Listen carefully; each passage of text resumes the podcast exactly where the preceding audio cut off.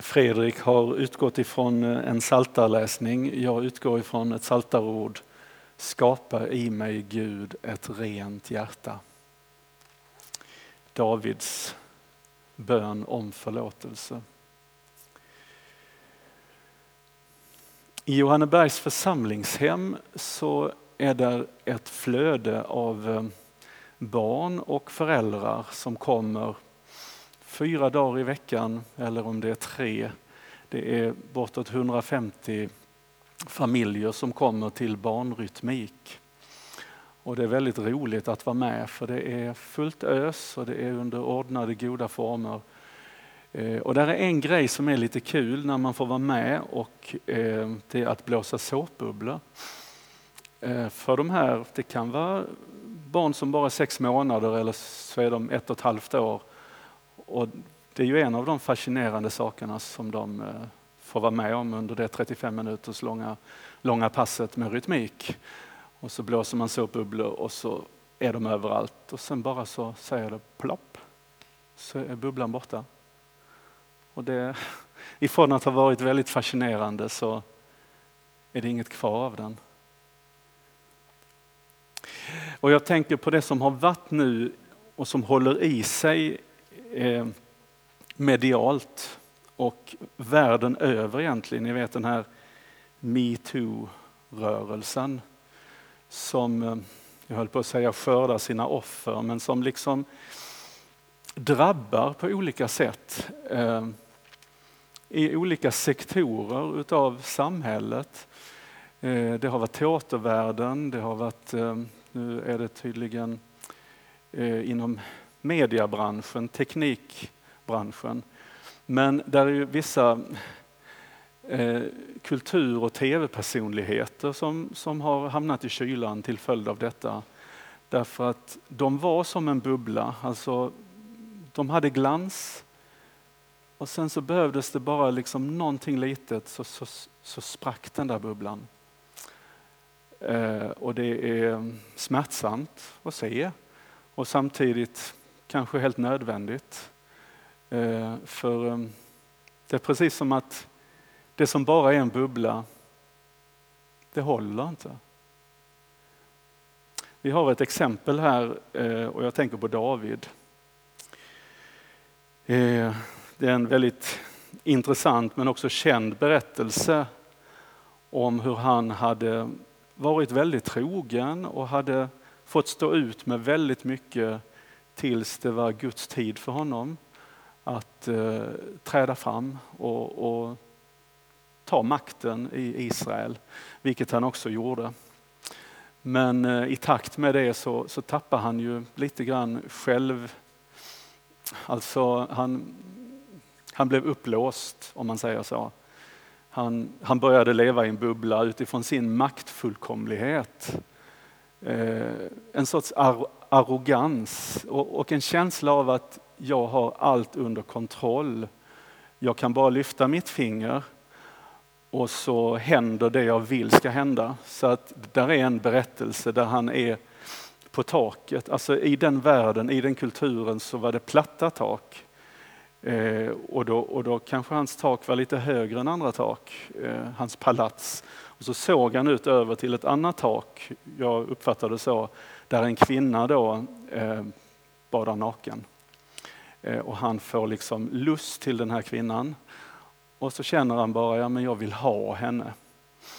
Eh, så att eh, han helt enkelt kallar henne till sig och eh, ja, det bara blir så att hon kommer till honom och de tillbringar natten tillsammans. Och han bara känner att henne, henne vill jag ha. Eh, nu råkade hon ha en annan man och han skickar iväg den mannen eh, i kriget Eh, i främsta ledet. För han försökte få till det med den här mannen så att han skulle få en permission och vara tillsammans med eh, sin kvinna. Eh, för att det var nämligen så att Batseba, som kvinnan hette, hon blev gravid. Och David kände, men då är det ju bättre att, för att eh, dimridåer och sånt, för att om hennes man eh, förknippas med pappan till barnet. Så. Men han, han var inte villig att, att, att ta den permissionen för han ville stå upp för sitt land, för sitt folk. Så då såg inte David någon annan möjlighet än att skicka ut honom i kriget, i främsta ledet, där han då stupar. Eh, och då tänkte David att ja, men då, då är allting ordnat för mig att nu kan jag ta Batseba till hustru. Men då står det så här, eh, bara en enda mening. Det som David hade gjort, och så kommer ett lite ålderdomligt ord, misshagade Herren. Alltså med ett annat uttryck, det som da, Gud gillade inte det som David hade gjort. Punkt.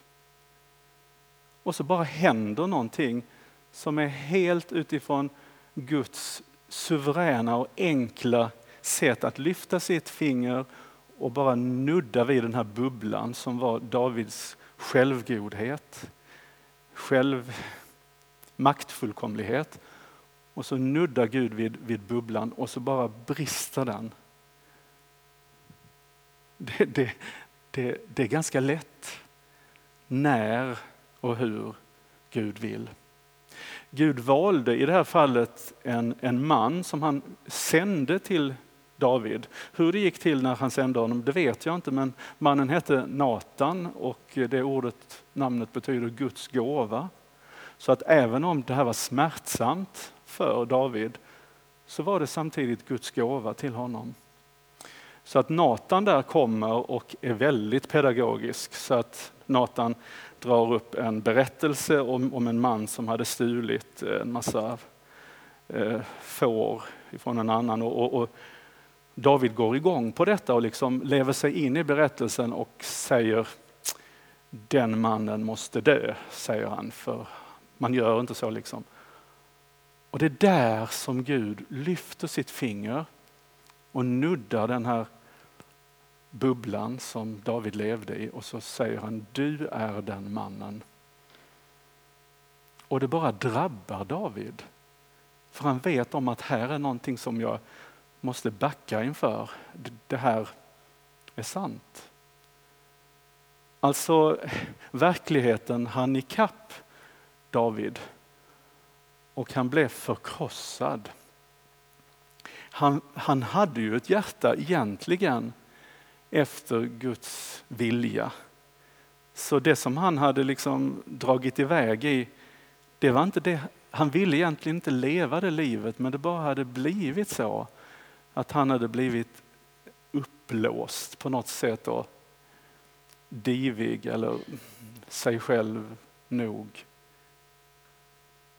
Och så händer det att det går sönder för honom. Men han, han, eh, han blir inte helt förstörd. Alltså han blir förstörd men han vänder sig till Gud. Eh, och då uttrycker han i den här bönen, den 51 salmen i Saltaren. Eh, Skapa i mig Gud ett rent hjärta Vänd bort din blick från mina synder, stryk ut all min skuld, skapa i mig Gud ett rent hjärta, ge mig ett nytt och stadigt sinne. Och så blir han lite desperat och, och, och, och han inser att jag har möjligtvis mycket makt men jag har inte makt över Gud. Driv inte bort mig från din närhet. Ta inte ifrån mig din helige ande. Och det är kanske är lite aktuellt när ni i konfirmandarbetet idag har har pratat om den helige ande. Det var väldigt dyrbart för David, den helige ande. Så att vad som helst, men ta inte ifrån mig den helige ande. Din närhet, Gud. Och sen förstår David någonting som är häpnadsväckande.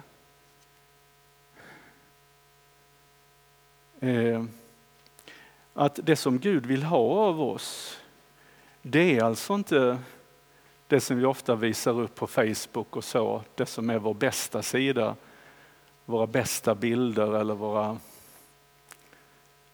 ja, det vi är stolta över. Utan Det offer, det som du begär är ett förkrossat hjärta, en krossad och nedbruten människa förkastar du inte, o Gud. Och där upprättar Gud David, sätter honom på stadig mark igen. Och då vet David att jag kan bara leva utifrån Guds nåd. Eh, det som jag försöker göra mig till eller göra mig märkvärdig, det, det håller inte. Det är bara som en bubbla som kommer att spricka närhelst Guds ord nuddar vid mitt luftslott så bara faller det.